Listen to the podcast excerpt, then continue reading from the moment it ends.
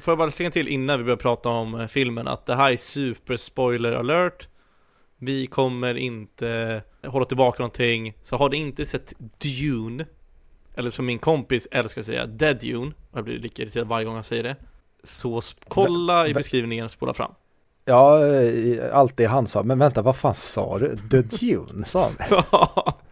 ja, en, en kompis, han, han vill han frågade mig, hette den Dune eller Dead Dune? Alltså Dune, ja men The Dune vill jag så gärna säga alltså. The Dune? Ja, jag hatar det eh, Men spoilers Yes, men eh, ja, jag nämnde ju den eh, lite kort i förra veckans avsnitt med Janne Men nu har ju du äntligen hunnit se den och därför så vill jag fråga dig direkt Vad tyckte du om den? Ge mig ett ord Wow Hashtag metoo Ja. Wow Jag, alltså det enda, det är alltid lättast att komma med kritik eftersom jag har höga förväntningar.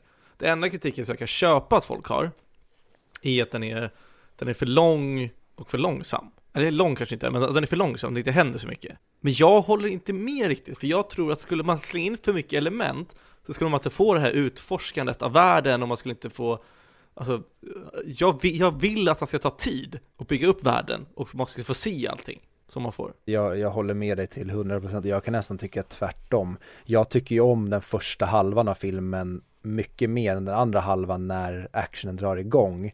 Just därför, och det är samma sak när vi har pratat om The Fellowship of the Ring. Jag gillar när man etablerar världar, eller framförallt jag älskar när man etablerar världar så här bra som Denis Villeneuve gör. För jag kan inte, nu kommer det ju komma en del två, för nu verkar det som att den går väldigt bra på box office och jag, som jag förstår det så var det avgörande till om de skulle göra del två och det tycker jag också det är väldigt intressant hur de ens har tänkt kring det här att de inte spelar in båda samtidigt utan de på något sätt lägger äggen i en korg och baserat på hur den går så får vi se om det blir en del två. Det är i alla fall så jag förstått det, jag kan ha missuppfattat det helt. Men just att den bygger världen så otroligt bra som den gör, precis som i Sagan om ringen, så att vi sen är redo för det här episka äventyret. Och jag blev ju nästan stressad när den började växla upp. Jag kände ju bara som att ja, vad skönt att familjen Atreides, de kommer vara nu på den här planeten och så kommer de ha det bra och det kommer vara en lycklig familj och allting kommer vara frid och fröjd. Och sen när de har utvunnit all den här kryddan, då åker de hem igen och så får de bo på sin fina jordliknande planet igen. Och så nej, fan, åh just det, fan det var en film, det skulle behöva bli vändningar och det skulle behöva bli skit och saker måste bli hopplöst innan det blir bra igen. Och sen så blir det inte bra igen utan den slutar mitt i storyn, vilket jag inte hade en aning om när jag satte mig och såg den här. Så när den liksom ploppar upp och det står Dune Part 1 då bara what the fuck? ja, det, det tänkte jag såhär, jaha vänta part 1 eh, Och sen, sen bara slutade mitt i, man så här. Men vad fan, det här då? Det här då? För nu, Ja. nu vill man ju se en till och jag, och jag menar, jag tycker ändå det händer ganska mycket saker Man, man får reda på vad, vilka de är Eh, alltså de ska flytta dit, de blir så invigda ceremoni, han ska göra något jävla test för att bli superkraft, eller om man har för sina superkrafter och sen så blir de attackerade och de ska fly, de blir förrådda. Alltså det händer ju saker hela tiden tycker jag. Det är bara att de, alltså Man får verkligen se alla fina miljöer. Ja, och som jag har nämnt i den här podden massa gånger, jag är lite allergisk mot sandmiljöer. Här har vi återigen varför Denis Villeneuve är för mig just nu herren på täppan när det kommer till moderna filmskapare. Han vet hur du får sand att se intressant ut. Han använder sig av skuggor, alltså färger. Det, han, han vet exakt, det är som att han har kollat på eller läst boken, han har sett David Lynchs gamla version, han har sett liksom allting som potentiellt skulle kunna gå fel med en sån här filmatisering eller kollat på stora blockbusters idag och så har han förstått precis vad han behöver göra för att vi inte ska gå i det, eller hamna i det träsket. Och jag tycker att han, det är inte en perfekt film och jag eh, kommer behöva se om den här minst, eller jag kommer, jag kommer behöva, jag kommer se om den här minst ett par gånger på bio. För att det här är en film som det är olagligt, eller det borde vara olagligt att se den här på en mobiltelefon eller på ett flygplan eller ens på sin dataskärm. Den här ska ses på en stor bild med monstruöst jävla ljudanläggning för det är så den är skapad. Och jag såg den på IMAX på eh, förhandspremiären, alltså dagen innan den hade premiär.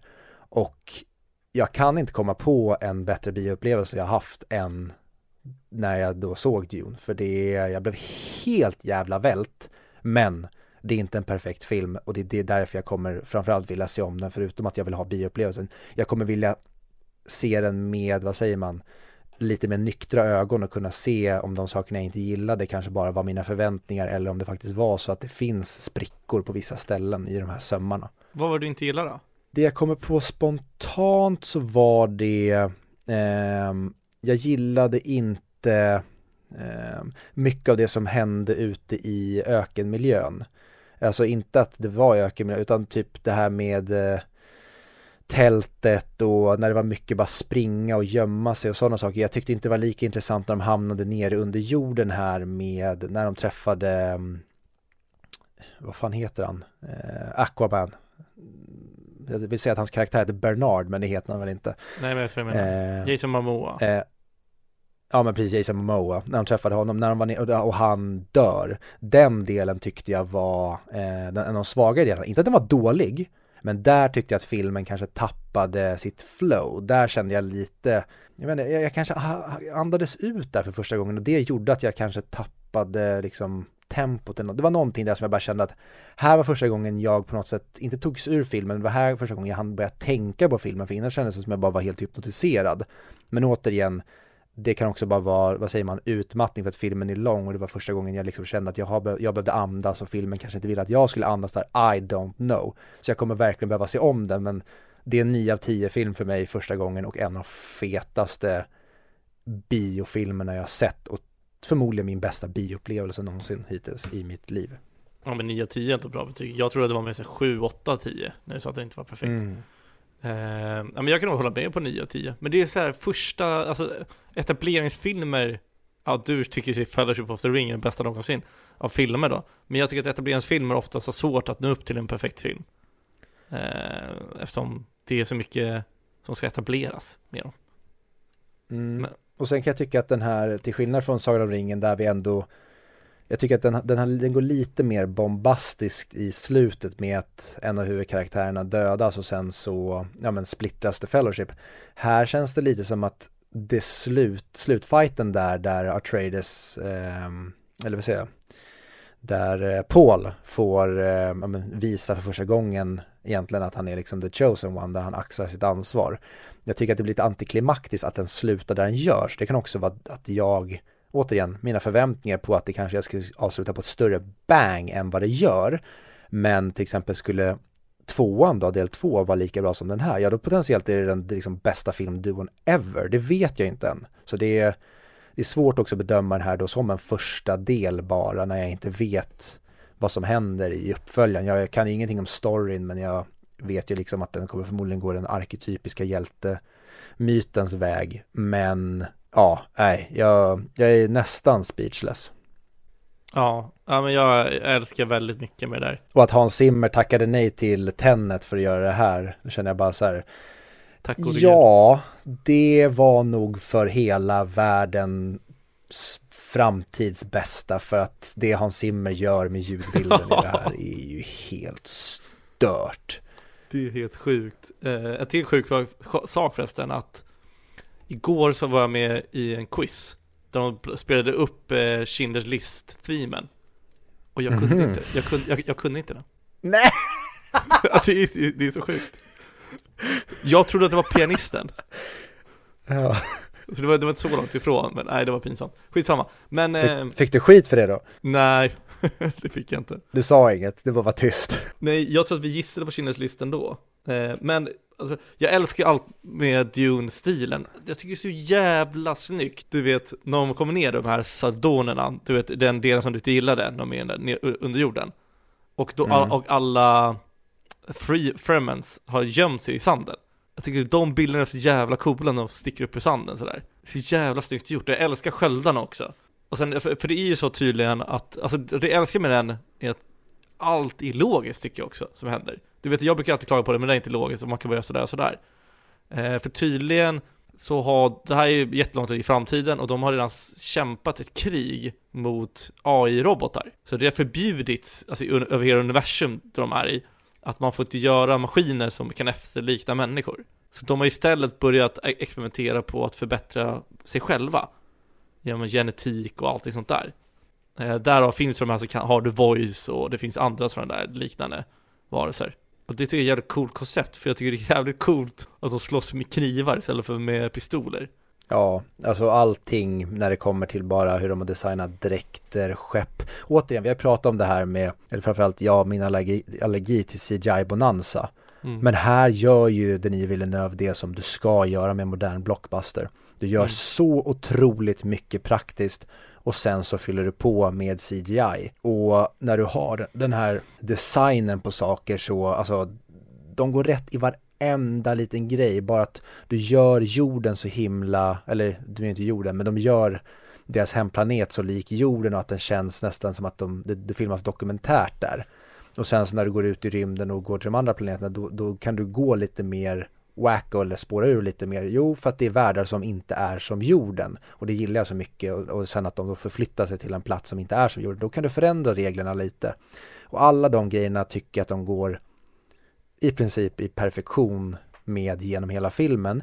Men till exempel en grej också som jag ska klaga på det är till exempel några ställen tycker jag att CGI faller men det kan också vara att jag förväntar mig någonting annat, att den inte faller egentligen. Eh, men till exempel de här seglerna som fälls ut när de ska lyfta. Eh, de tycker jag ser lite för CGI ut och även när han har någon vision om när han har på sig den här gulddräkten och fäller upp och man ser hans ansikte Paul. Där tycker jag att hela hans ansikte och dräkten ser jätte CGI ut och det tycker jag är märkligt när kameran verkligen zoomar in på honom.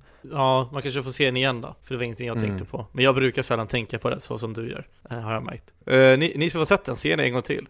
Se den en gång till efter det. För då kanske de får ännu mer pengar och då kanske de kan göra ännu fler Dune-filmer. Det finns ändå sex böcker. Ja, och som jag förstår det så är del 1, del 2, den kommer då handla om bok 1. Mm.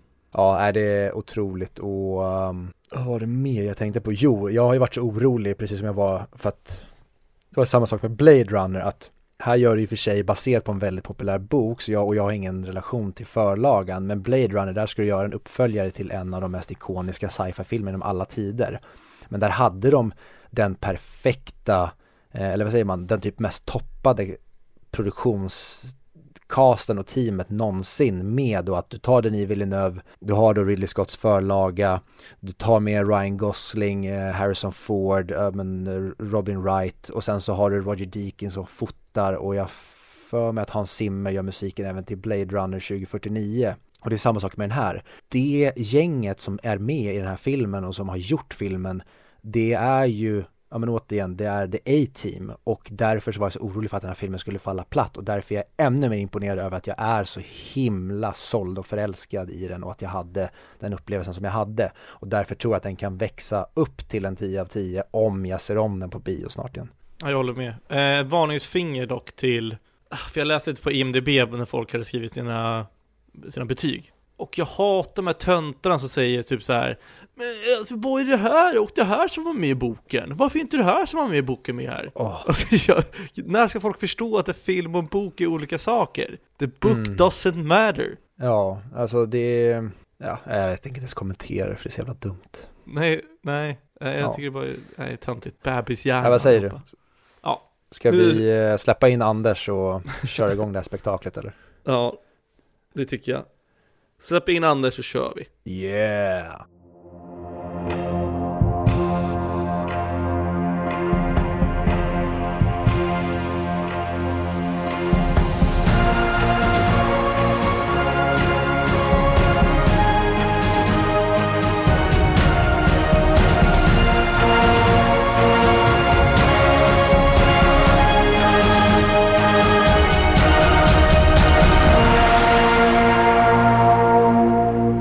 Hej och välkomna till 100 Mic Podcast, podcasten som pratar upp IMDB Topp 100 men inte Charlie Chaplin. Verkligen inte den, där Charlie Chaplin. Nej, verkligen inte.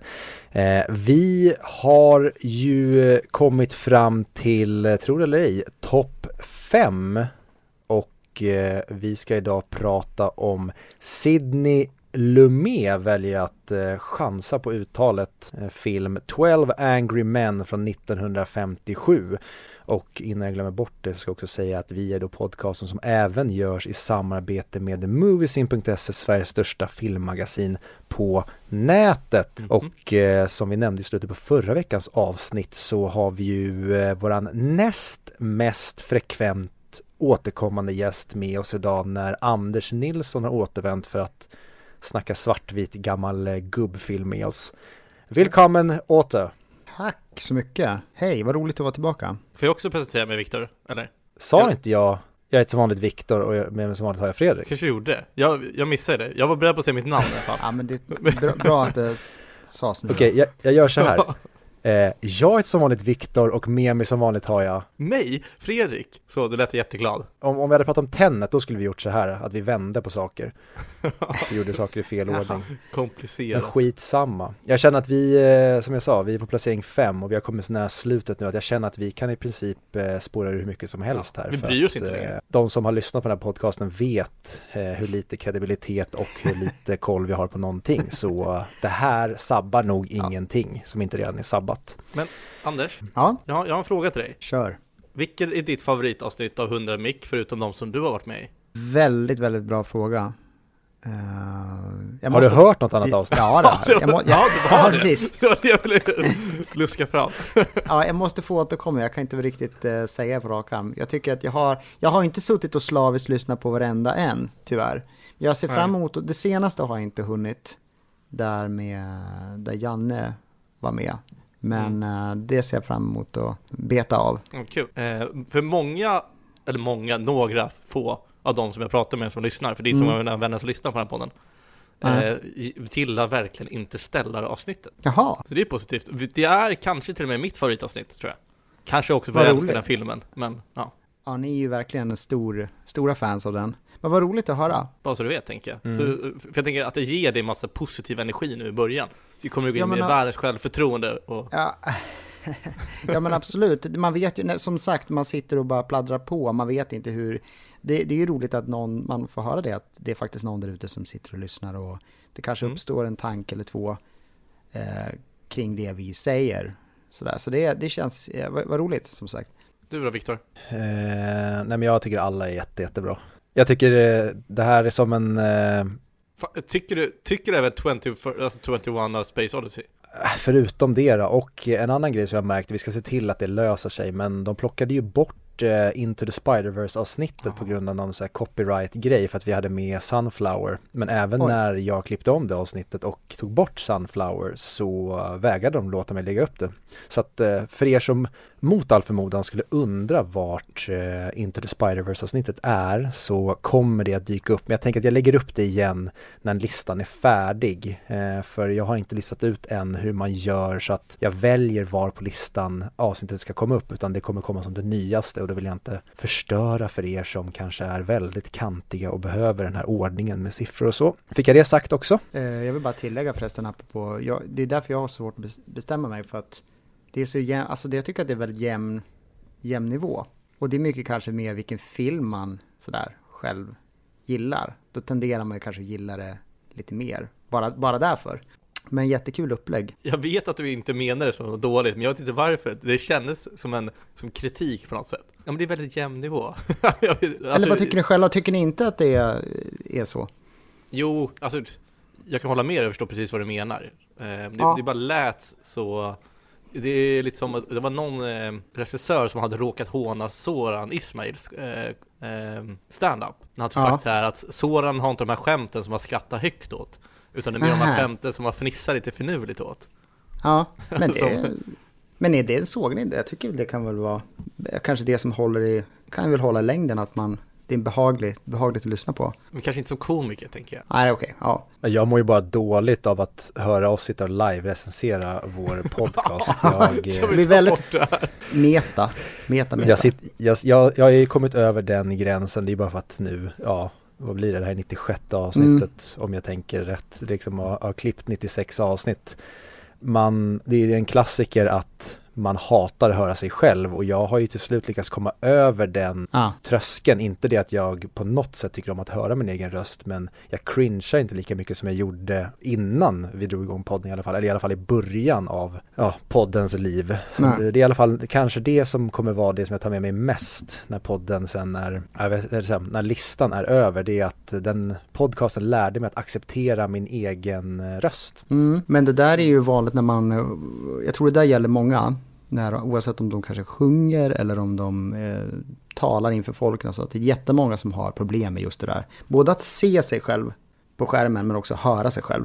Innan man är, har vant sig, lärt sig acceptera det som du säger. Jag kommer inte ihåg, jag, jag lyssnade på en podd för ett tag sedan där de pratade om eh, just spegelbilder och det är så intressant att, ja men till exempel att vi, vi, en människa har ju aldrig sett sig själv eh, utan när man står och tittar på sig själv i spegeln då ser man ju re- reflektionen och den är ju, vad säger man, den är inte så som man ser ut på riktigt så att varje gång man på något sätt kollar på sig själv och ska fixa till sig själv Mm. då fixar man ju en, en motsatt version som ändå inte upplevs likadan i andra människors ögon. Så det du ska göra om du vill se hur du ser ut, det är att titta på dig själv genom två speglar. Mm. För då ser du ju hur din korrekta bild ser ut i andra människors ögon.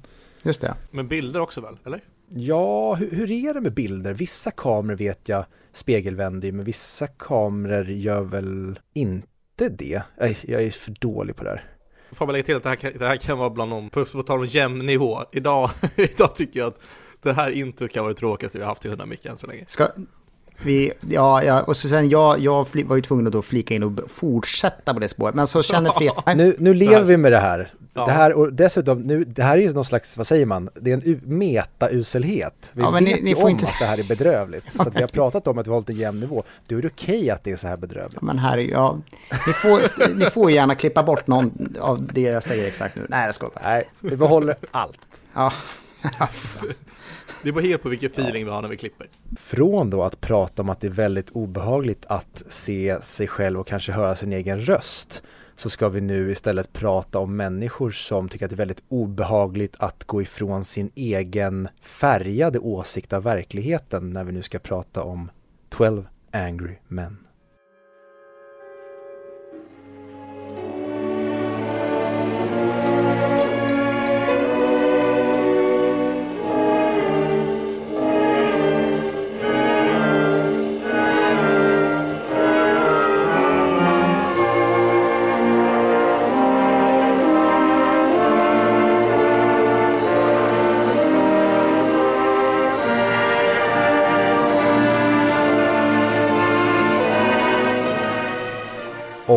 Efter en del eh, flamsande och en del tramsande så har vi nu tagit oss hela vägen fram till veckans film som är på ett helt annat ämne än flams och trams utan nu ska vi prata om 12 män som fick äran skulle jag säga, men som fick eh, ansvaret att avgöra en ung mans liv eller död. När vi nu ska prata om Sidney Lumet, eller Lumet, eller Lumet, 12 Angry Men från 1957. Vad håller jag på med? Och då börjar jag med att fråga er, mm. hade ni sett den förut? ja eh, någon gång för ganska länge sedan, eh, så pass länge sedan att jag kände att jag definitivt var tvungen att se om den. Så jag såg, såg om den här om veckan för att ha den i färskt i minne. Det ska jag berätta mer om sen vad jag tycker nu. Första gången jag såg den här var ungefär fem timmar sedan. Mhm. För det, det är alltid bra tycker jag när, det behöver nödvändigtvis inte vara så att alla vi tre kommer från olika perspektiv, men i alla fall att någon har sett den innan och någon ser den för första gången, för det är någonting jag kommer vilja prata om, framförallt med den här. Men jag tänker så här då Fredrik, du som brukar vara orolig, rädd, kanske lite suckandes när det kommer till filmer med ett årtal som kanske inte är i förrgår och som eh, kanske saknar det här som vi brukar kalla för färg. Hur kände du inför den här filmen då? Jag antog att den skulle vara ish så som den var. Alltså jag fattar att det är jurymedlemmar och, och att den ligger ändå femte plats. Så det måste ha någonting jävla extraordinärt i sig. Mm. Så jag var, och när jag såg tiden också, en och en halv timme, 1.37 eller vad det var. Så såg jag verkligen fram emot den. För då tänkte jag, det här kommer vara en underhållande, lagom lång film. Så jag var taggad. Mm. Jag kommer inte ge mig ett betyg nu, men jag skulle faktiskt vilja börja i det och det kanske Anders kan då um, jaka eller neka mina tankar nu kring det hela. Men jag tyckte att det var en stor skillnad på att ha sett den och se om den med filmen. Alltså, när, första gången jag såg den så visste jag ingenting om den. Och nu när jag såg om den så, det här är en film som jag har tyckt väldigt, väldigt mycket om. Så det var en film som jag hade väldigt höga förväntningar på. Och jag tror att på grund av att dels jag visste vad den handlade om, jag visste vad liksom som var filmens USP och att jag hade så höga förväntningar, det kan ha sabbat en del för mig. Med mm. det sagt så tycker jag fortfarande att det är en väldigt, väldigt bra film och vi kommer prata eller jag kommer nog framförallt prata på ett sätt som gör att jag låter mycket, mycket mer förälskad i den än vad ni nog tror efter det jag sa precis. Men vad tror du Anders, är det här en film, gör den sig att se om, tycker du det, eller är det en film som verkligen gör jobbet första titeln? Jag tror att den gör ett väldigt bra jobb. Det kanske inte är en sån där film som man ser om en gång per år. I alla fall för egen del. Men, men för alla, alla filmer är ju inte så. Men man vill ofta ha en bit emellan. Uh, jag kommer nog återvända till den här. Men uh, jag tror att den här är... Uppenbarligen så håller den ju än, som ni sa. Den, är, den ligger fortfarande...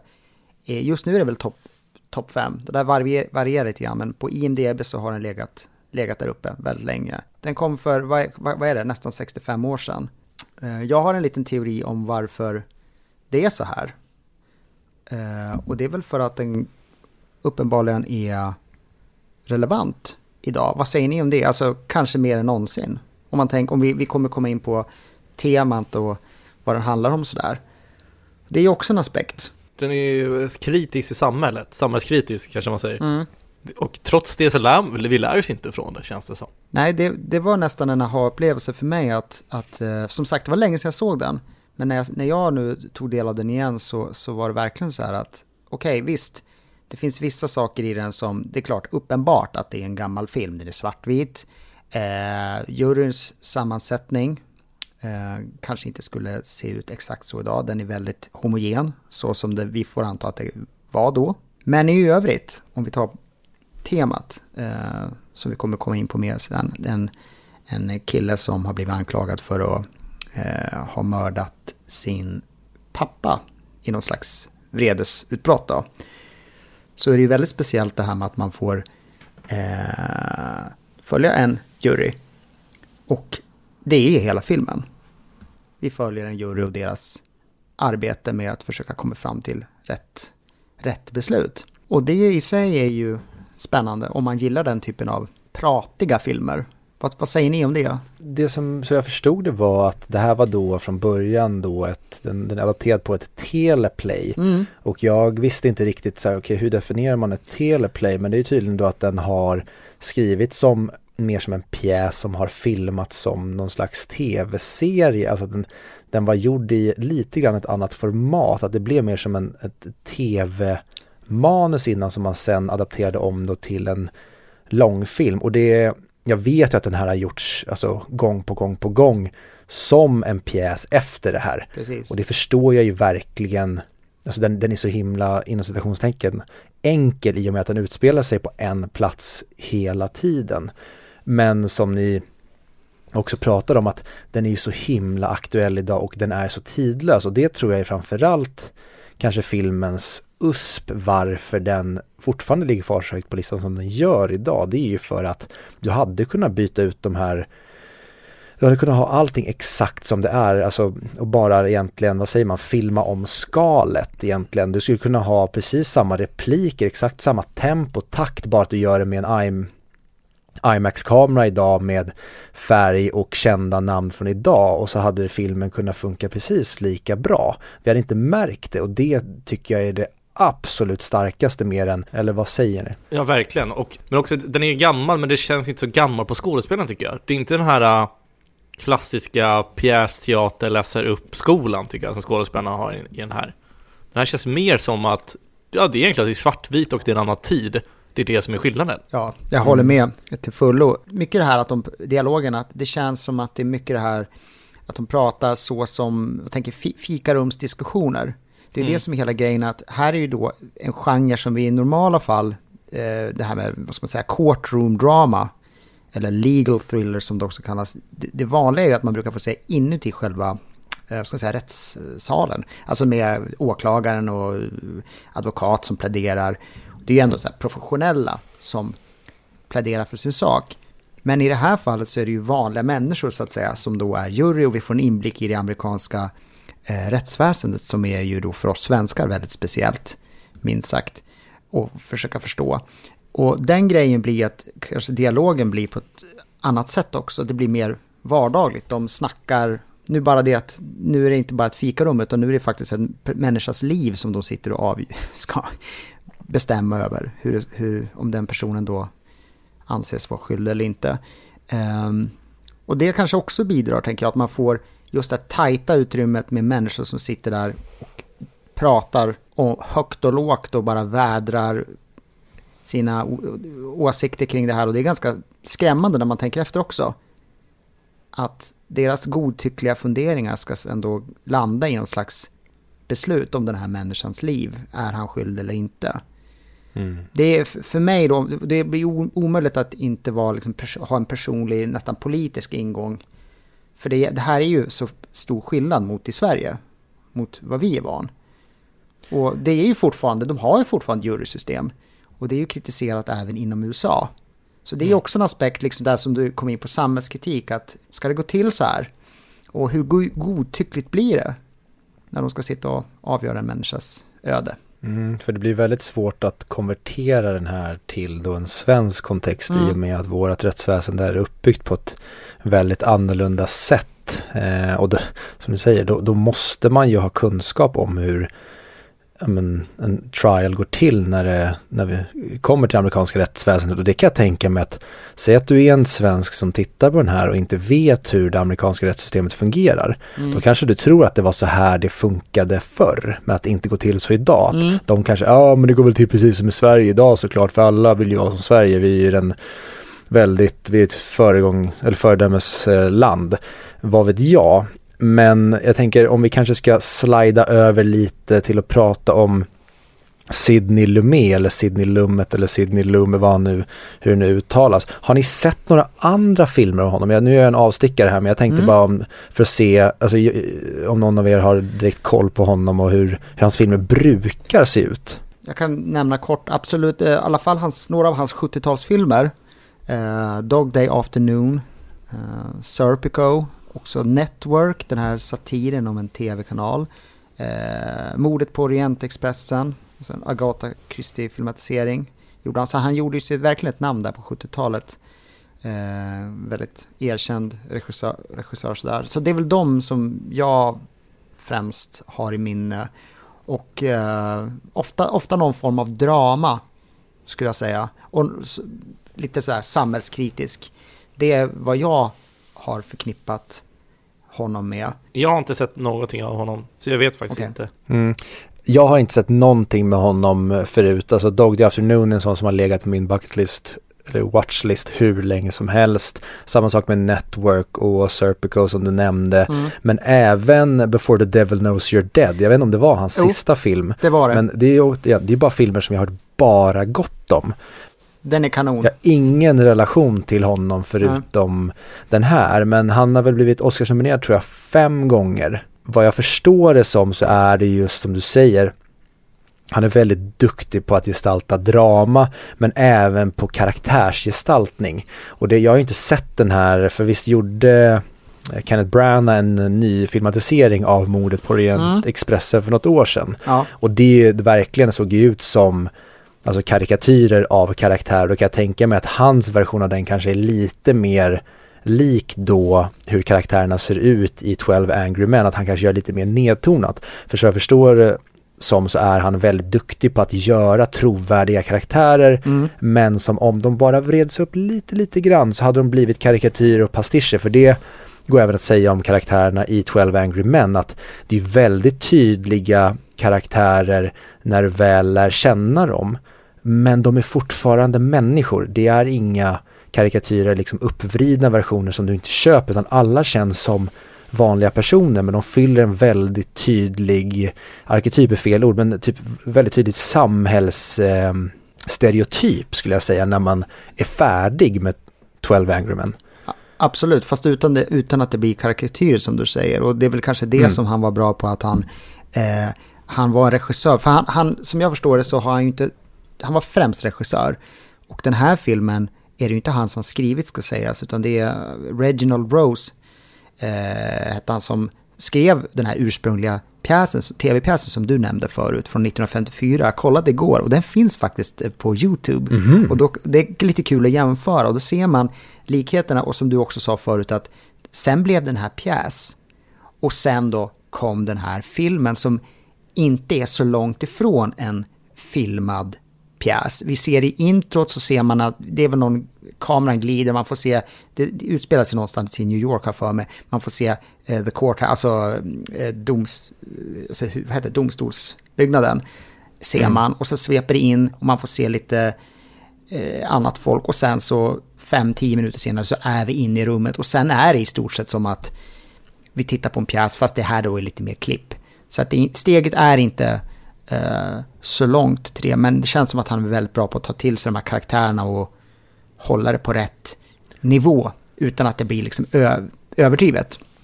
Mm. Sen vet inte jag hur, eh, hur det såg ut i då den föregångaren, men det gör ju väldigt mycket för den här berättelsen också i och med att de befinner sig i det här tajta rummet och sen är det också att det är så fruktansvärt varmt. Ja.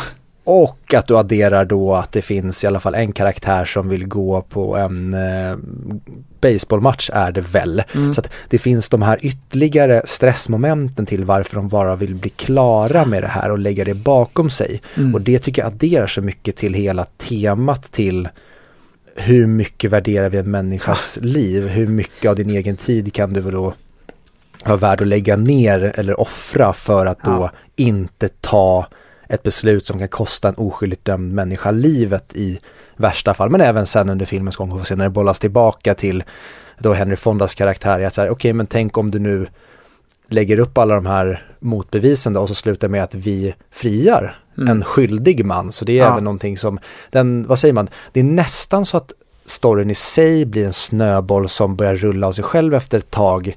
Men samtidigt så har då um, Sidney Lumet sån otrolig kontroll på den här snöbollen. Absolut. Ja, jag tycker det är fruktansvärt. Och jag har tänkt på det här många gånger, alltså jurysystemet. Jag tycker mm. att det, det är hur godtyckligt det riskerar att bli. Kan ni komma på några andra filmer? För jag vet att det här har dykt upp hur många gånger som helst i filmer med just exempel på där alla vet att personen är oskyldig. Men bara på mm. grund av då ja, men att det sitter en, att eh, advokaten har spelat på att det sitter en viss typ av kategori människor som han vet och han ska trycka på vissa punkter på i då juryn. Jag vet till exempel om man tar den här American Crime Story, hette den var O.J. Simpson-caset. Mm. Då vet jag att de tog upp i den till exempel att, ja men den där mannen han är sådär när kvinnan är si och så. Då blir det att, ja men okej den ska vi spela på det där, den ska vi vinna över på det sättet. Och det blir så himla som du säger godtyckligt och märkligt då när man då får kanske se sin jury och så vet man kanske vilka strängar man ska mm. lira på för att få dem i sin hörna. Ja, det, är, det är intressant. Jag tänkte på, uh, vi pratade om The Green Mile för massa avsnitt sen. Det är ju samma sak där mm. när John Coffey är uh, oskyldigt dömd. Men då vet man ju att där har ju ingen gjort som i den här filmen. De har ju inte suttit i några timmar och verkligen vägt beviset fram och tillbaka. Utan nej, det är en svart man, han hittades med dem i famnen. Det är klart han är skyldig, nu skickar honom till elektriska stolen. Ja. Det är näst, inte, det är väl kanske lite mer clear cut case för där kan man, okej okay, de har en, även det rasistiska elementet här också. Mm. Men där sitter även eh, John Coffey med de här flickorna i famnen så där kanske det blir ännu mindre intressant att ens fundera på om han eventuellt kan vara skyldig eller inte eller oskyldig. Men eh, det finns ju liknande element i den här och jag, jag tänkte på det, finns det några filmer, det, det är kanske någon som kan sina courtroom dramas och det är mer och bättre än oss. Men det är intressant att se om det finns någon film den här kanske kan knyta samman med som eventuellt skulle kunna vara som en själslig prequel där det slutar med att någon kanske blir oskyldigt dömd. Så man skulle kunna säga att ja förmodligen i jurysnacket så gick det till som i 12 Angry Men. Mm. Nej, alltså det enda, jag, det enda jag tänker på, det är inte med jury, men det är dels Primal Fear Ja. Eh, Victor, du har inte sett den va? Men Anders, du kanske har sett den? Eh, jag har sett den för länge sedan, ja. Det är väl en, eh, är det en John Grisham filmatisering? Det vet jag Jag blev os... Nej, nej. Spo- Men Spoila jag har inte slutet den. för Victor bara, för han har inte sett den tror jag. Nej. Eh, nej men för, Nope. för där är ju lite också känsla av en skyldig, en inte skyldig hållet. Eller en twist på det i alla fall. Det handlar mer om, ja, skitsamma, det är sen. Men också, vad heter den andra filmen Victor vi såg? Svartvita med juryn, med han domaren, eller advokaten. Åh shit vad det står still nu. Den heter Witness for the Prosecution. Ja. Ja, den är bra. Jaha, den har inte jag sett. den kan jag verkligen rekommendera. Den, den är underbar. Men, men den också, den, den har ju, vad säger man, det, det, är en helt annan ton än den här tycker jag. Mm. Okej, ja. Ja, men det är också mer domare, det är mer i själva rätt, alltså rättegången snarare än juryn.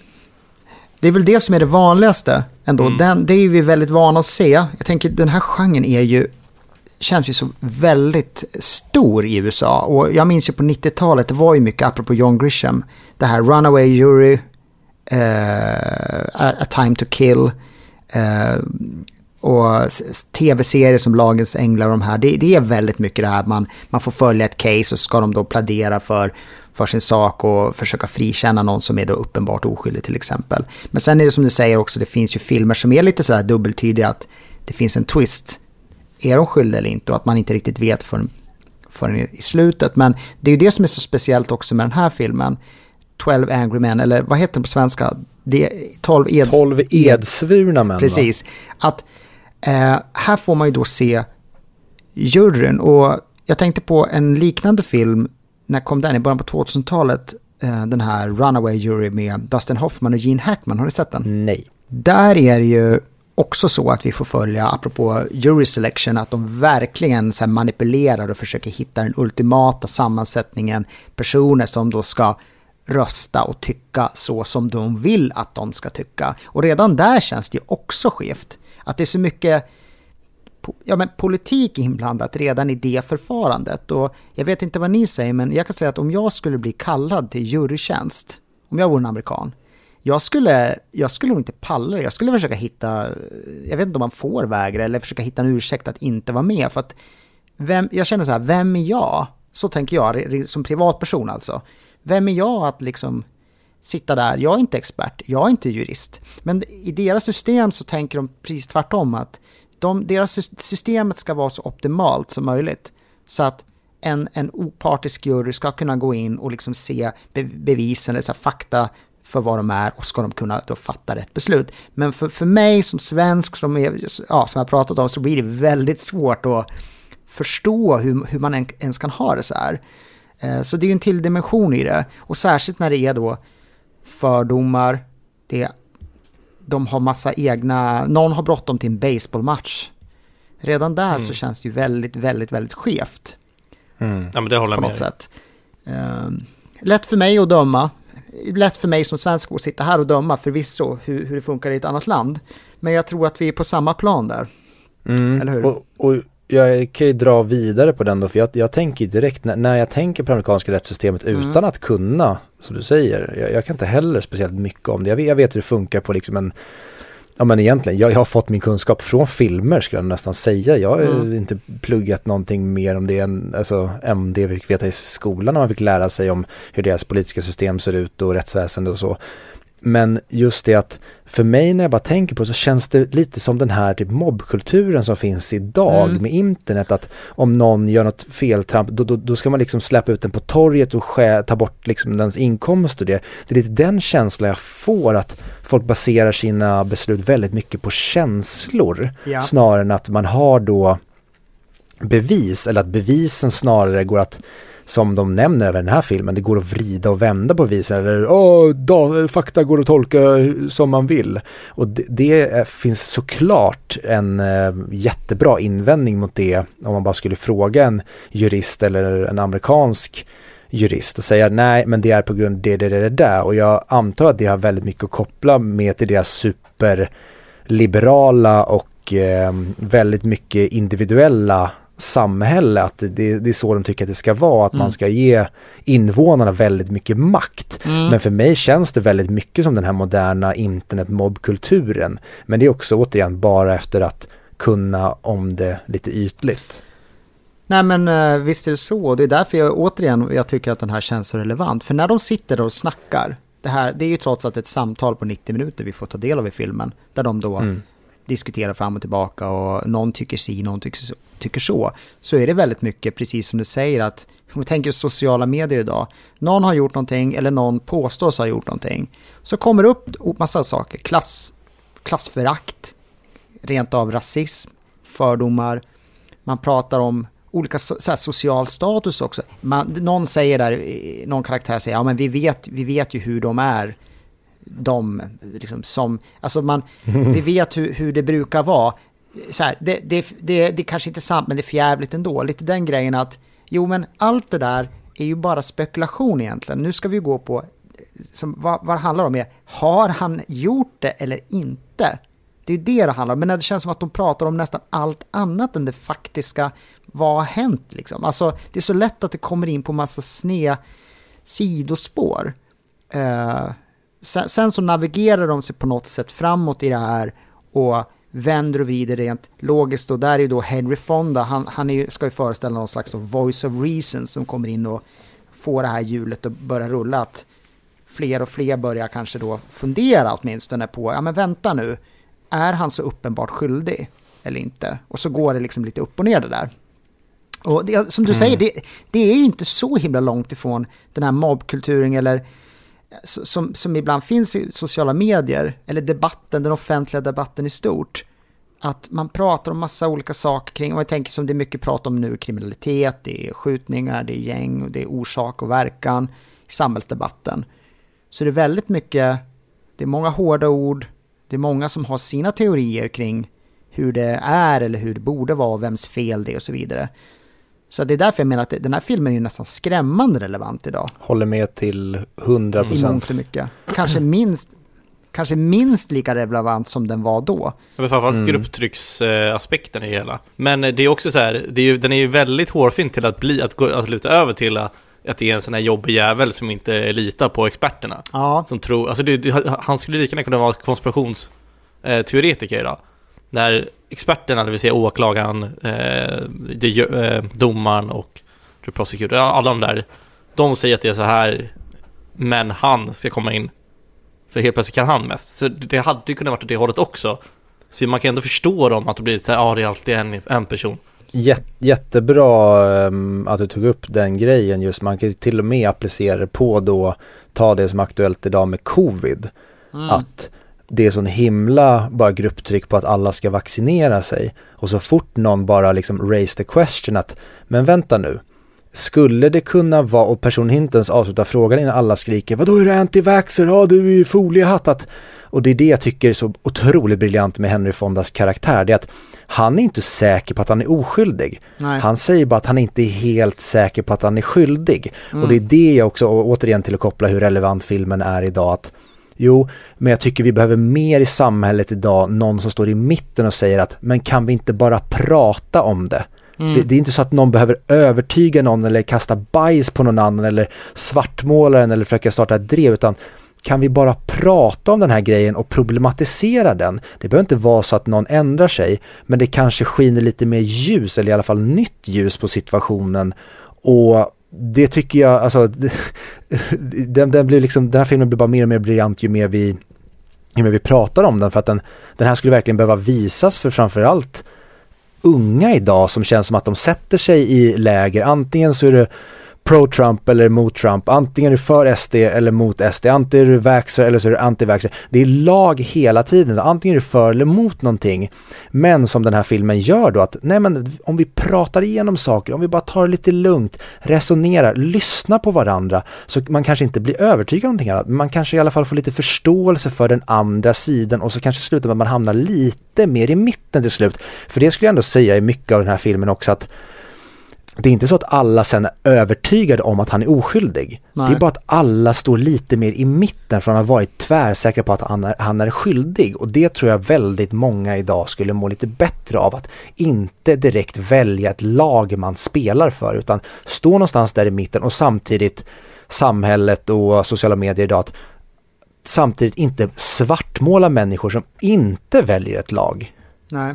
Ja, jag håller med i stort. Eh, sen i vissa fall så måste man till sist kanske välja sida ändå, men det är som du säger, man kan åtminstone man, det är aldrig fel att vända och vrida på det och var, försöka vara så rationell som möjligt. Så kommer man fram, lättare fram till någonting och, och i ett sansat tonläge. Och apropå eh, barn så måste jag bara flika in, jag såg det här om dagen när jag läste om filmen att tydligen så har den här filmen visats i eh, Storbritannien och är jätte, alltså jättemycket på skolor där. Det här, det, att det verkar vara en slags, ja men att, så som när man själv gick i skolan, att man fick se vissa filmer. Så Schindler's list var en film som visades på högstadiet när jag gick. Eh, men den här filmen har, alltså än idag, visats eh, i Storbritannien. Kanske för att den har någon slags, eh, som du säger, att den får igång diskussioner. Jag kan tänka mig att de har det som diskussionsunderlag. Där eleverna sen får sitta och prata om det här. Men vänta nu, om du skulle vara i juryn, hur skulle du tänka då? Hur skulle nu, mm. För nu måste, för grejen är här, nu är ni instängda i det här rummet. Och även om man vänder och vrider på det och säger som du, som du säger att man, man då resonerar fram och tillbaka, så i det här fallet så måste de välja sida till sist. Och det är det som är speciellt i juryn, alltså, som jag också häp, tycker är häpnadsväckande, det är att alla måste ju vara överens. Förut fattade inte jag hur det här gick till, eh, innan jag liksom förstod det här med, med jurysystemet, att det, det räcker inte om det är så här, ja men 6-4 eller 8-4, alltså att det, det är majoritetens beslut. Det hade man kunnat tänka till fair, utan här är det alltså att alla måste då hålla med och sen säga nej, skyldig eller icke skyldig. Jag tror att det tredje alternativet är att de då deklarerar en så kallad hung jury. Jag är inte riktigt eh, med på den svenska termen, men att man, man, kom, man säger bara att vi kommer inte fram till någonting. Och då vet inte jag riktigt vad som händer faktiskt, om det bara, nej men då, då ogiltigt förklaras rättegången. Jag, jag, jag ska inte säga, någon jurist får rätta oss där, men det är väl det enda alternativet. Det jag tyckte de hintade åt i filmen var att då kommer det appoint då kommer en ny jury bli appointed som kommer behöva göra det här igen och då sa, har jag för mig att de säger det i filmen att och de kommer ju inte ens fundera på det utan de kommer ju döma honom skyldig direkt. Ja, ja, okay. Och att det också gav lite mer press Just till det. dem att då vara extra noggranna och inte springa därifrån. Ah, just det. Ja men det makes sense ändå att det är så. Jag förstår. Ja. Visst är det så att i tv-serievärlden att spela in ett avsnitt då i samma plats det är lite fult och det, är lite sett som att det är en billig grej för ibland måste man bara göra det för att kunna fylla ut avsnitten i en, i en, i en säsong. Ja, alltså det, det kan väl anses som en här lågbudgetgrej, absolut. Och det är väl därför mm. den här placerar sig i den här genren som är lite mer, jag vet inte om du har sett den här Glenn Gary Glenn Ross, kommer jag att tänka på, från 92. Eh, där tror jag det är någon, eh, att de är stockbrokers eller något sånt där, säljare. Den är, den är också så här tight. Jag tror Al Pacino är med i den. Eller Alfred Hitchcocks Repet, som också är så här, ett enda ställe, den är i en lägenhet och så är det långa tagningar. Eh, det behöver inte uppfattas som billigt, men jag förstår precis hur du menar. Att i, man brukar ju vilja ha många olika klipp, mm. olika locations, statister, folk som kommer, så att man får känna att det här är en film Eh, men i det här fallet så funkar det ju väldigt, väldigt bra ändå. Och det kanske hade blivit en sämre film om det inte hade varit precis just så här. Mm. För jag har en till sån här film som jag uppskattar väldigt, väldigt mycket. Som heter The Man from Earth av Richard Schenkman. Okay. Har ni sett den eller hört talas om den? Jag har inte sett den, vad jag vet. Nu har inte jag sett den på jättemånga år, det är säkert tio år sedan. Men det är en film som jag vet när jag såg den, satte 5 av 5 på och tyckte var liksom helt jävla fantastisk. Och då mm. tänker du just på att det är en one location film som bara utspelar sig i den byggnaden då, eller stugan eller vad det är som de Exakt. är i. Fast där kanske mer intressant är hans historia, för det, det handlar kort sagt om en person som inte kan dö av ålder. Så han, han har levt alltså 14 000 år, eller någonting sånt där. Okej. Okay. Eh, ja, den, den, är jävligt bra, 7,9 på IMDB till och med. Vilket jag tycker är ganska högt för en sån typ av film. För det är egentligen den enda sån här filmen, one location film, som är bra vad jag minns och vad jag har sett. Mm. Och det sätter ju också väldigt mycket mer eh, press på filmskaparen då, för att du mm. kan ju gömma dig bakom miljöer eller högt tempo, massa olika saker. Men om du befinner dig på en plats, då blir det också mycket mer tryck på de sakerna som måste ske där, alltså framförallt då som i den här filmen, dramat. Du måste se till att folk är underhållna eller i alla fall inte börja fundera på att vi är bara på en plats eller att man stör sig på vissa saker då att du tar bort, vad säger man, vissa avledningselement som kan finnas i andra mer rör, vad säger jag, rörande, mer, mer förflyttande filmer och det tycker jag också därför en film som den här och då The Man from Earth blir så himla ytterligare imponerande när det utspelar sig i ett och samma rum och lyckas pull it off, för det kan också falla väldigt platt. Men precis som du säger, jag har inte heller några exempel på det här. Jag har en film som jag tycker jättemycket om som heter Venus in Fur som jag tror är, jag tror att det är Polanski som också är som ett kammarspel mellan en eh, teaterregissör och en skådespelerska. Och det handlar lite om typ hennes casting, att han ska vrida ur typ hennes performance på något sätt. Men den utspelar sig på en plats och det tycker jag också, där lyckas de också få ett väldigt intressant drama så att jag inte funderar på att de bara är på en och samma plats. Jo, nu kommer vi fan på en till eh, sån film. Ehm, också Polanski vill jag minnas. Ehm, Carnage med eh, John C. Reilly, Jodie Foster, Kate Winslet och eh, ja, Hans Landa, vad fan heter han? Eh, Christoph Waltz. Den är jättebra. Också jättebra film som bara utspelar sig i en lägenhet i ungefär en och en halv timme och det är samma sak där. Där lägger de så otrolig kraft på dramat och det som sker att vi inte riktigt funderar på varför är de i lägenheten under en och en halv timme. Exakt, de är ju också fantastiska skådisar allihopa och dialogen är jättevälskriven. Mm. Eh, jag gillade den jättemycket också och jag tycker verkligen att jag ska se den här Glenn Gary Glenn Ross som jag nämnde. Den, den, den är skriven av David Mamet som, som, som är väldigt bra på just fånga den här typen av eh, dialoger som gör att man inte tänker på att de är på ett och samma ställe. Och i den filmen så är det ju jättebra skådisar också, som jag nämnde, Al Pacino och Jack Lemmon är med. Eh, så att det, det, går, det finns absolut sådana eh, filmer, men det är som du säger, det ställer ju också väldigt höga krav på alla involverade, för annars så faller det ju verkligen platt. Om man inte, så att säga, pull it off, hela den här grejen. Det kräver sina skådisar, det kräver sitt manus, det kräver en story. Ja. Men eh, vi kanske bara röra oss mot något slags betyg, även fast det känns som att vi knappt har pratat om filmen, utan vi har pratat mer om liksom konceptet och ja liknande filmer. Men va, har ni någon kritik till filmen? Vart ska man börja om man ska prata kritik till den här filmen? det hela började nästan på filmen. Nej men alltså det här var en film, jag visste ju att det här skulle vara en jävla bra film, men att det skulle vara mycket snack, det skulle vara mysterier, saker skulle utvecklas hela tiden. För att den ligger högt upp och jag antog att det var i, på, samma, på samma ställe. Jag, jag, jag vet inte om jag läste eller om man fick den känslan. Du förväntade dig att det skulle vara Beam in the Sky? Jag vet inte vad det betyder. Ja men i som alla stora Marvel-filmer, det slutar med att det är någon jävla laserstråle mm. uppe i rymden. ja, exakt. Men det är någonting jag har funderat på, är att om man skulle göra en sån här film idag, alltså behöver vi en twist? Är vi sönderknarkade på filmer? Så att vi behöver ett till lager twist för att kunna göra det här intressant? Jag tror tyvärr att du har rätt och det tror jag mer har att göra med samtiden. För jag tror inte jag hade svarat samma sak om det hade varit typ 90-tal. Då Nej. tror jag, men just idag, det, och det tror jag gör med jag kanske också har fördomar mot liksom sociala medier, det ska vara snabba kickar hela tiden, korta segment, annars tappar vi intresset. Men jag tror tyvärr också att vi har blivit väldigt twistskadade under 2000-talet. Så jag, jag vill ju tyvärr svara ja på det, men jag vill ju egentligen inte svara ja på det. Ja, men det, för det är lite som att vi förväntar oss att, att kameran i slutet ska fejda över någonting och då ser man han le eller man ser att kniven var från honom. Eller alltså någonting. Ja, typ Henry Fondas karaktär eh, så här hånler att han har, jag lurade över alla dem. Ja men, ja men exakt, alltså någonting sånt. Eh, Förväntar man sig nästan. Sen så jag gillar ju att det inte var det. För jag tycker att den är fantastisk på det sättet som den är. Men eh, Anders, eh, har du någon kritik till den här filmen? Och till exempel så kommer jag lägga lite ord i din mun. Är det någon karaktär du tycker känns lite för dåligt spelad eller inte tillräckligt bra?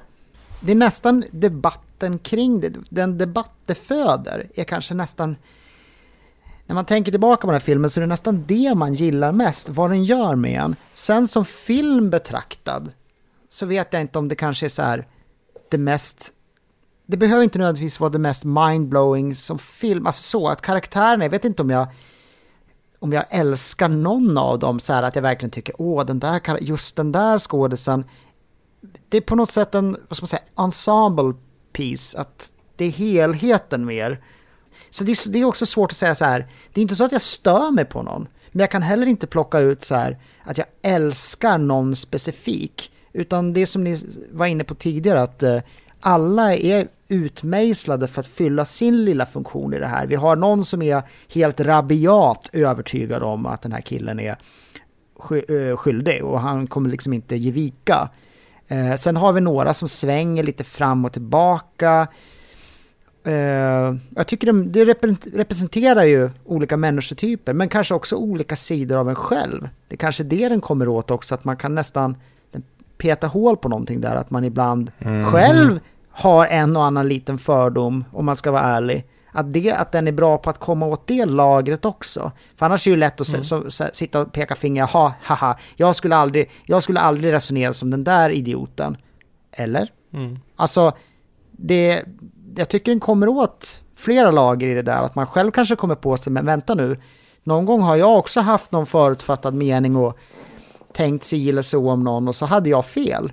Lite så. Uh, nu svarar jag i och för sig inte så bra på din fråga för att jag, uh, jag, jag, vet helt enkelt Jag kan inte liksom säga att jag skulle vilja ha mer eller mindre av det här eller det här. Jag skulle vilja fortsätta på just den grejen med karaktärerna och mm. det som du nämnde Anders. Mm. Att det känns nästan som att vi är inne i en hjärna under hela filmen. Mm. Att, som man själv kan vara. Man är inte själv säker på någonting. Det känns som att du säger, det representerar delar av en själv. Att ena dagen då kan man tycka någonting precis som han då, vad heter han, eh, Lee J, Lee J. Cobbs ja. Eh, karaktär ja. som ser ut som Sylvester Stallone. Att man är helt tvärsäker på en viss grej och då, ja, då kommer ens liksom bias in där från det hållet ja. eller så är man ena dagen väldigt eh, objektiv och i kontroll över sina känslor som då Henry Fondas karaktär. Eller så blir det att ena dagen då känner man sig lite mer, kanske inte just rasistisk men man är lite mer fördomsfull ena dagen. Och alltså det är verkligen en jättebra representation av känslor men även stereotyper som då är färgade av sin historia och så visar de så jäkla bra när de här möts som typ i en hjärna full med känslor som brottas med olika saker. Ja. Den här filmen går ju så långt bortom bara temat den hanterar och det är det jag också tror varför den har levt vidare i kombination med allt det som vi har nämnt tidigare. Den filmen ser ut att vara liksom en 90 minuter svartvit jävla vanlig kammarspelsdrama. Men när du börjar rota i den så kommer det fram så otroligt mycket mer grejer och varje gång du sticker hål på den då kommer det bara ut godis istället för att det är var eller piss eller någonting utan det kommer ut bra grejer snarare än att den går sönder när du börjar peta hål i den. Ja, verkligen. Bra, bra förklarat.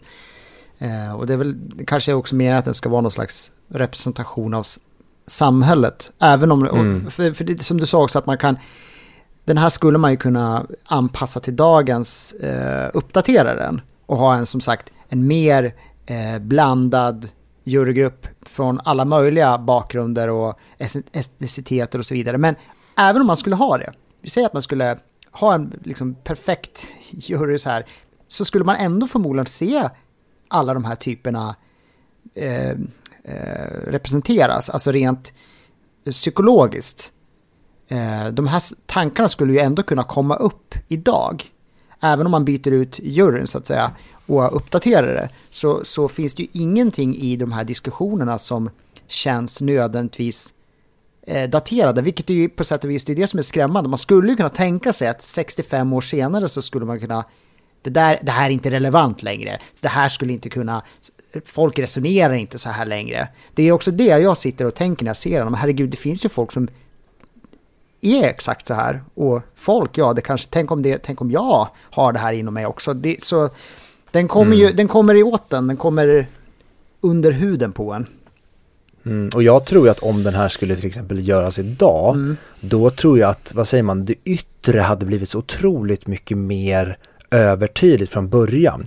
Ja men då hade det kanske suttit en, eh, en snubbe med rakad skalle som ska representera någon så här högerextrem sida. Det kanske sitter en tjej med blått hår och det sitter liksom en, eh, ja men svart kille från orten, eller alltså det hade blivit för tydliga stereotyper. Det är också en del av filmens briljans att det sitter typ män i kostymer här när man bara tittar på dem, då ser de inte så himla olika ut varandra. Det Men det är sen när deras karaktärer kommer fram, då märker vi att de är väldigt olika varandra. Mm. Och det tror jag att en filmatisering av den här idag hade misslyckats fatalt med. För då hade vi redan sett deras åsikter på ytan av dem. De hade bara plockat in en Ja, väldigt ytlig ensemble istället för då som då Lumet gör den här, han plockar fram karaktärernas ehm, vad säger man, de, de, genom att de får skådespela får vi lära oss om vad de står för snarare än att vi ser det på Mm. deras yta.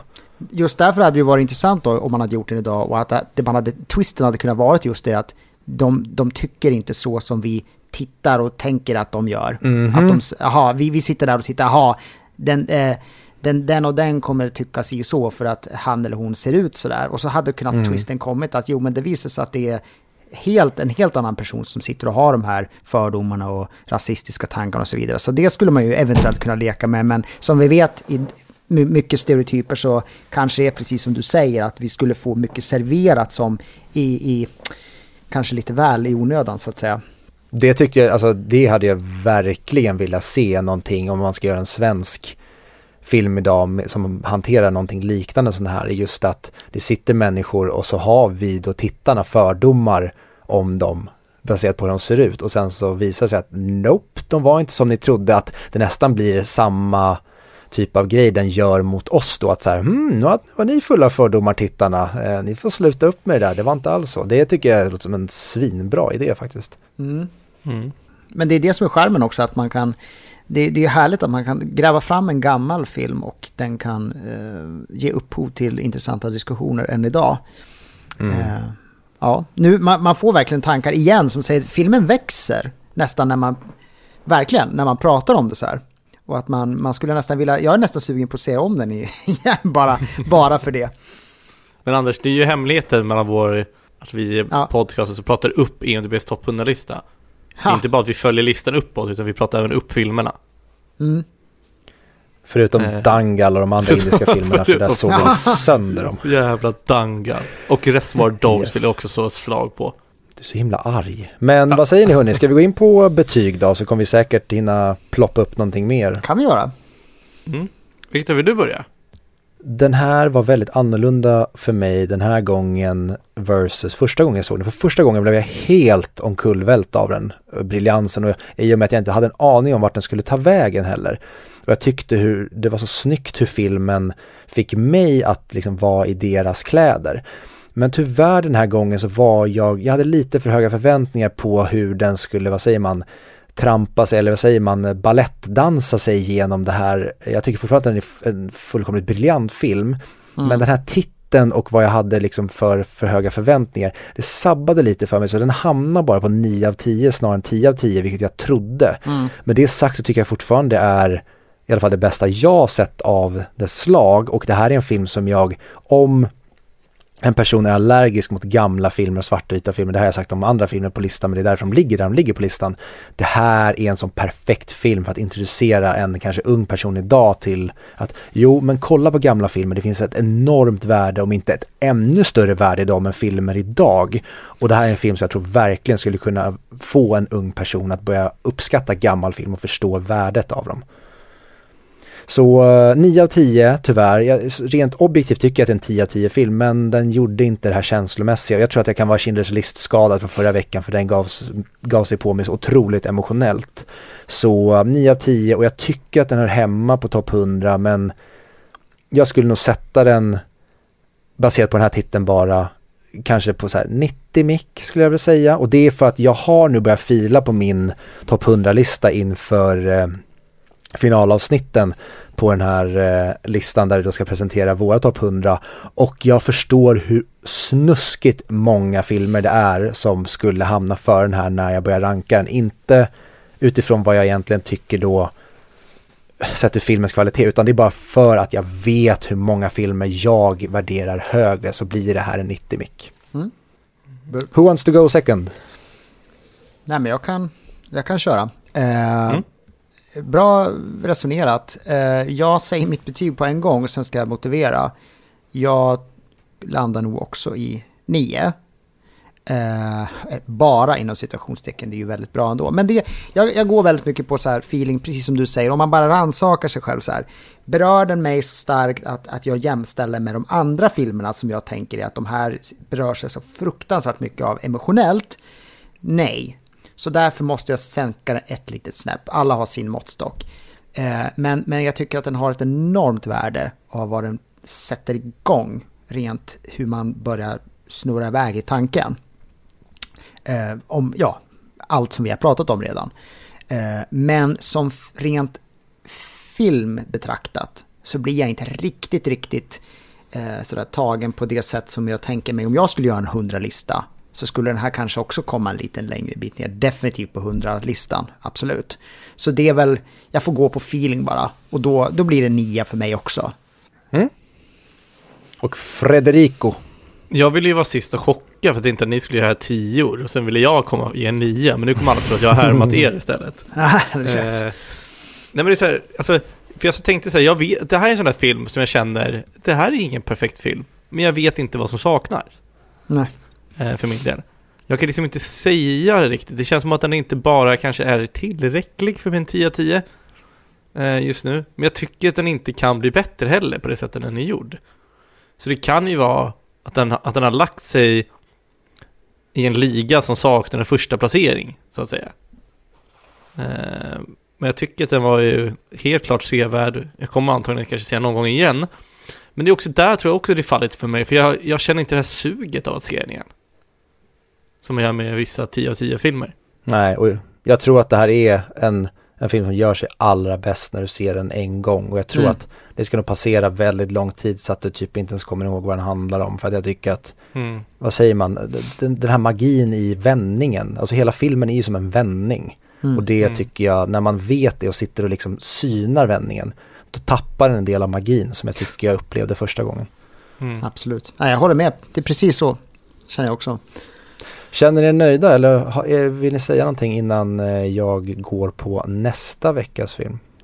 Jag, jag känner mig nöjd och eh, tycker att eh, det finns mycket att ta med sig. Eh, jag tar med mig av uh, här vi har pratat om just hur man kan relatera till samhällsdebatten av idag. Och kommer ha, säkert ha den här konversationen i färskt minne när jag går ut på sociala medier och ser och hör eh, hur folk debatterar friskt. Mm. Sa- samma här. Det, det är nog det, jag, tycker att det här är en otroligt bra fostrande film. Mm. Alltså det här är en film som verkligen ska visas i skolan som du pratade om i England, det borde man i Sverige också. Mm. Just, ja men vad händer om vi kanske tittar på saker ur andra perspektiv och är lite mer förstående, förstående eller kanske bara samtalar med varandra eller drar saker ett varv till. Det tycker jag är det absolut starkaste med hela filmen. Förutom att det är en jätte, jättebra film. Ja. Men just det här fostrande, jag gillar inte den här filmen, jag är fostrande. Men i det här fallet så tycker jag att den, den vad säger man, den ger inte, den gör inte en åsikt av sitt fostrande utan den försöker egentligen bara öppna upp dig för att vara lite mer förstående och kanske lite mer resonerande. Ja men absolut. Ja. Jag tror att den kommer falla, falla på det i och med att när man är i skolan så vill man inte se en svartvit film från 60 år sedan eller vad det var. Så jag, jag, tror att det kommer snarare stjälpa än att hjälpa. Fast uppenbarligen så har de ju, ja jag tror inte vi ska underskatta barn av idag. Jag tror faktiskt, jag, jag, här vill jag gå in och slå ett slag för att jag tror att man kan ändå, om man går in och man har, pratar före och efter, sätter den i sin kontext och har det som diskussionsunderlag och ser det som folkbildning och visst, det här kanske inte är en film för de yngsta eleverna, men jag kan tänka mig högstadiet, absolut, gymnasiet definitivt. Eh, särskilt om man då kan ha efterföljande diskussioner och rama in det så. Så tror jag, just som vi har pratat om, att högt i tak och man ska kunna resonera sig fram till någonting. Om man, om man tänker sig så då. Kanske inte som, det är inte bara som nöjestittande. Då kan jag Nej, tänka mig exakt. att ungdomar inte riktigt tycker, "Va- varför ska man titta på den här gamla filmen liksom. Så, men om man har den där ingången, pedagogiska ingången, då, ja, då, tror, jag, då tror jag på det.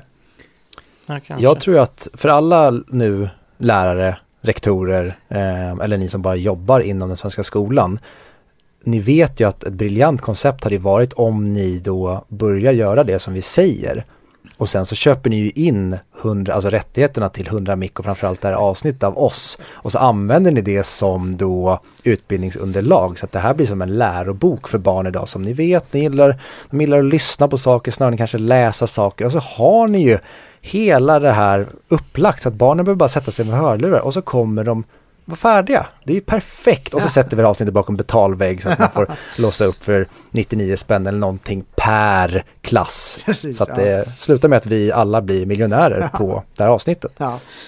Yes, men med det sagt så nästa vecka då ska vi prata om någon risig uppföljare till någon Batman Begins. Jag vet inte, det Ja, det är väl vad det är helt enkelt. Den är väl typ som den här Daredevil som gjordes på slutet av 90-talet eller Spider-Man 3. Jag för mig att den jämförs med dem. Eh, men då i alla fall ska vi prata om den här The Dark Knight från 2008. Och eh, om ni nu mot förmodan skulle vilja se den här dussinrullen då kan ni ju hyra den om ni går in på Viaplay, Apple TV, Rakuten TV eller Blockbuster och den går även att köpa i digital kopia om ni gör, eller går in på Apple TV, Rakuten TV och Blockbuster. Ja, när ni har köpt filmen och sett på den så kan ni inte direkt gå in och följa oss på våra sociala medier. Tack. Ja, det var bra, du har tajtat till det där och gjort det väldigt levande och mänskligt känner jag. Vad bra. Eh, och hur, och hur kan man följa dig då Anders, om man vill göra det? Ja. ja, men eh, jag finns, eh, jag tror ni taggade mig där. Jag tror det är lättast att, jag, jag, numera är mest aktiv på Twitter faktiskt. Ehm, så in och kolla via er taggning är nog det lättaste faktiskt. Mm. Så kan vi, vi ses och hörs där ute. Och jag finns på Letterboxd, vad säger man? Letter, letter, letterboxd, den filmsajten finns jag också på. Mm. Jag, jag vill ju pusha lite också för eh, jag lyssnade på några av dina låtar som du har gjort och det var framförallt en, nu kommer jag såklart Åh. inte ihåg vad den heter för jag har inte lyssnat på Spotify på ett tag. Men det var en film, eller en film, en låt som du släppte, du släppte två låtar för mig i somras eller om Mm. det var i våras. Och en av dem tyckte jag väldigt mycket om så att eh, jag kan rekommendera att gå in och lyssna på Anders eh, musik på Spotify. Ja, du menar mitt eh, projekt där ja. Soloprojekt. Mm. Jag är nog nästan säker på att det var Wonderland Ja, nu när du Precis, jag tror det var... Ja, väldigt bra. Jag eh, Tack. tänkte bara, äh, men jag, jag gillar Anders, han har varit med i podden, nu ska jag gå in och lyssna på vad han har. Så bara, kul. oj, inte att jag hade låga förväntningar, men att eh, ja, det var långt över vad jag förväntade mig av, ehm, ja, jag vet inte, jag, jag, förväntade mig inte att det, jag skulle tycka om så mycket. Jag, jag, fan vad jag svamlar nu. Ja, det är lugnt. Jag är, inte, jag är inte så bra med ord. Nej, men man blir... Men jag, jag har pratat länge här. Men vad, tack så mycket. Jättekul att du gillade det. Mm, och supertack igen för att Ja. du har varit med. Det är tre Mm. avsnitt nu. Vad var det? Departed, Interstellar och det här va? Ja, precis. Bra trojka där. Tack, eh, tack för att jag fick vara med igen. Det känns jättekul att surra och byta tankar på det här sättet alltså. Ja, jag säger också tack. Jag tycker det är all, alltid en fröjd när du är med Anders. Härligt att höra. Ja, men detsamma. Jätte, jätteroligt som sagt. Det var jätte, jättekul.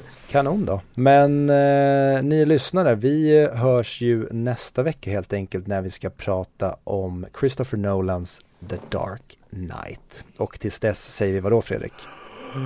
Harakiri. Kan du inte säga Harakiri som Christian Bales Batman skulle sagt det? Harakiri. Nej, kan jag verkligen inte märka det. det är ju det är ett jävla jobbigt första ljud. Harakiri. Det går inte. Nej, Jävlar du fick mig på pottan där märkte jag. Okej, Nej, du får öva till nästa vecka. ja jag lovar att se det då. Ja, vi säger vanligt. Harakiri. Tack och hej.